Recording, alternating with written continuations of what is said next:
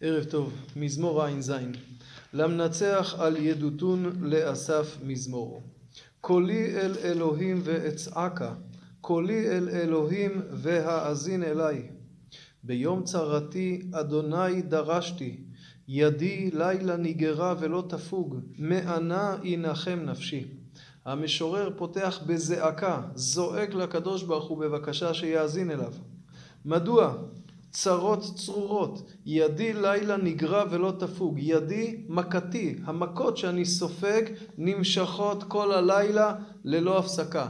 לילה זה ביטוי שמאפיין את הגלות, כלומר אנחנו בגלות וכל הזמן סופגים מכה אחרי מכה. אזכרה אלוהים ואהמיה, אשיך ותתעטף רוחי סלע.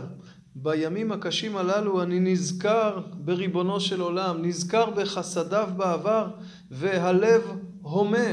אני מנסה להשיח, לפנות לריבונו של עולם. זה לא קל, זה קשה. אחזת שמורות עיניי, נפעמתי ולא אדבר.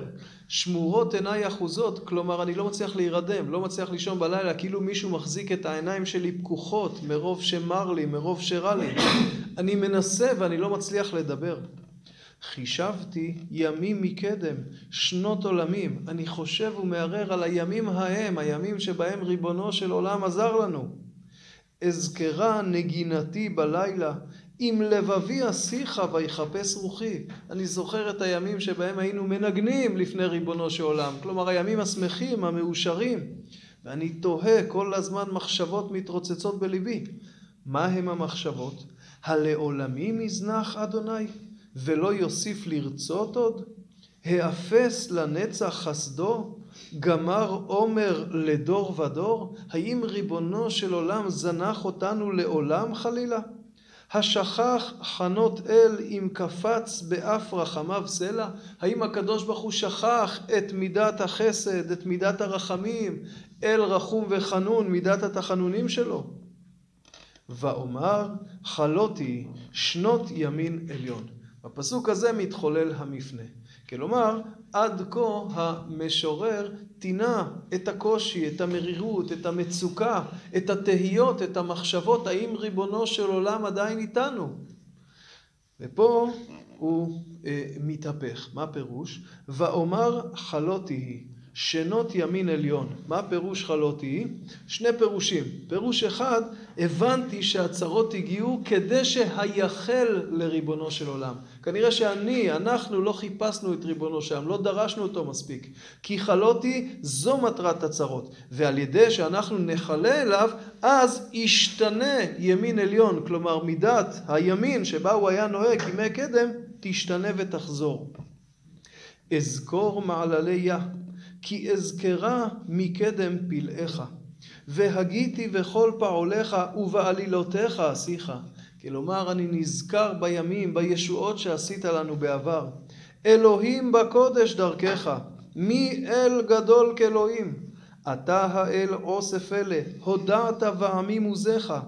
גאלת בזרוע עמך, בני יעקב ויוסף סלע. המדובר כמובן על גאולת מצרים. לכן עם ישראל קרוי בני יעקב ויוסף. כשירדו למצרים, מי שהנהיג אותם, מי שדאג להם, אלה היו יעקב אבינו ויוסף הצדיק. ואתה, ריבונו של עולם, גאלת את בניהם ממצרים.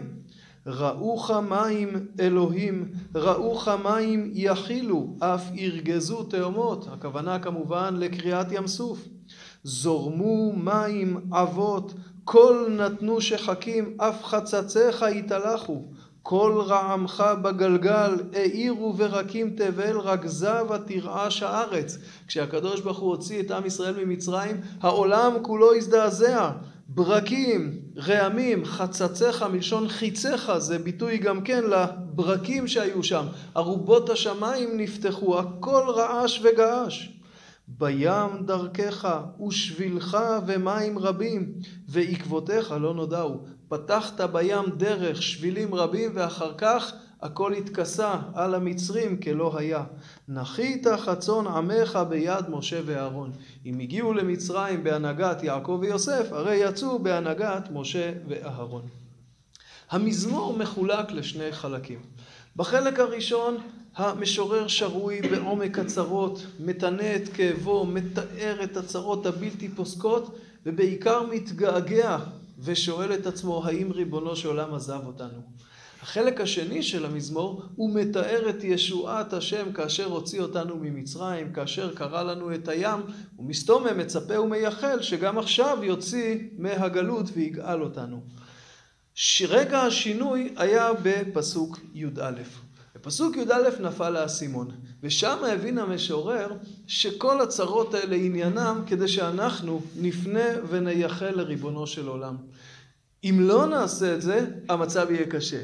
אם נעשה את זה, כנראה שיהיה שינוי. ואכן בכל החלק השני הוא נזכר בריבונו של עולם, הוא נזכר בישועתו, הוא מחזק את ביטחונו בריבונו של עולם. המזמור הזה הוא מזמור מיוחד. רוב המזמורים, בדרך כלל אחרי דבר שכזה, תבוא תפילה. כמו שהושעת אותנו אז, כך תושיע אותנו גם אתה. זה לא מופיע פה. אנחנו מזכירים את יציאת מצרים והמזמור פתאום מסתיים. כי הנקודה של המזמור זה לא התפילה לריבונו של עולם, הנקודה של המזמור זה הפנייה אל האדם. הפנייה אלינו פנימה. האסימון, התובנה הזאתי שהנקודה היא בנו. לא ריבונו של עולם נעלם, לא ריבונו של עולם שכח את מידותיו, אלא אנחנו שכחנו אותו. ולכן השינוי צריך להיות מבפנים. אולי אפשר להציע פירוש נוסף לפסוק י"א. כך מציע חנן פורת, ואומר כך, ואומר חלותי היא. מה פירוש חלותי היא? חלותי היא, אני שואל את עצמי, איפה ריבונו של עולם? למה הוא לא נגלה בימינו, במלוא עוזו? תשובה, כי אנחנו חלשים, בגלל החולשה שלנו. כאשר עם ישראל חזק רוחנית, ריבונו של עולם מופיע בעוצמה. כשעם ישראל חלש רוחנית, אז ריבונו של עולם כביכול חלש, כביכול ריבונו של עולם מסתיר פניו. מבין המשורר שזה תלוי בנו. חלותי, שנות ימין עליון, אם אני רוצה שהקדוש ברוך הוא יופיע שוב במלוא עוזו בימינו, אני צריך להתחזק. אנחנו צריכים לעשות תשובה ולאפשר כביכול לקדוש ברוך הוא להופיע. אם תרצו, מזמור שלנו, מזמור עוז. תנו עוז לאלוהים. על ידי שעם ישראל יתחזק, יתבונן, יקרא לקדוש ברוך הוא, ריבונו של עולם יוכל להופיע בימינו ובזרוע עוזו. ערב טוב.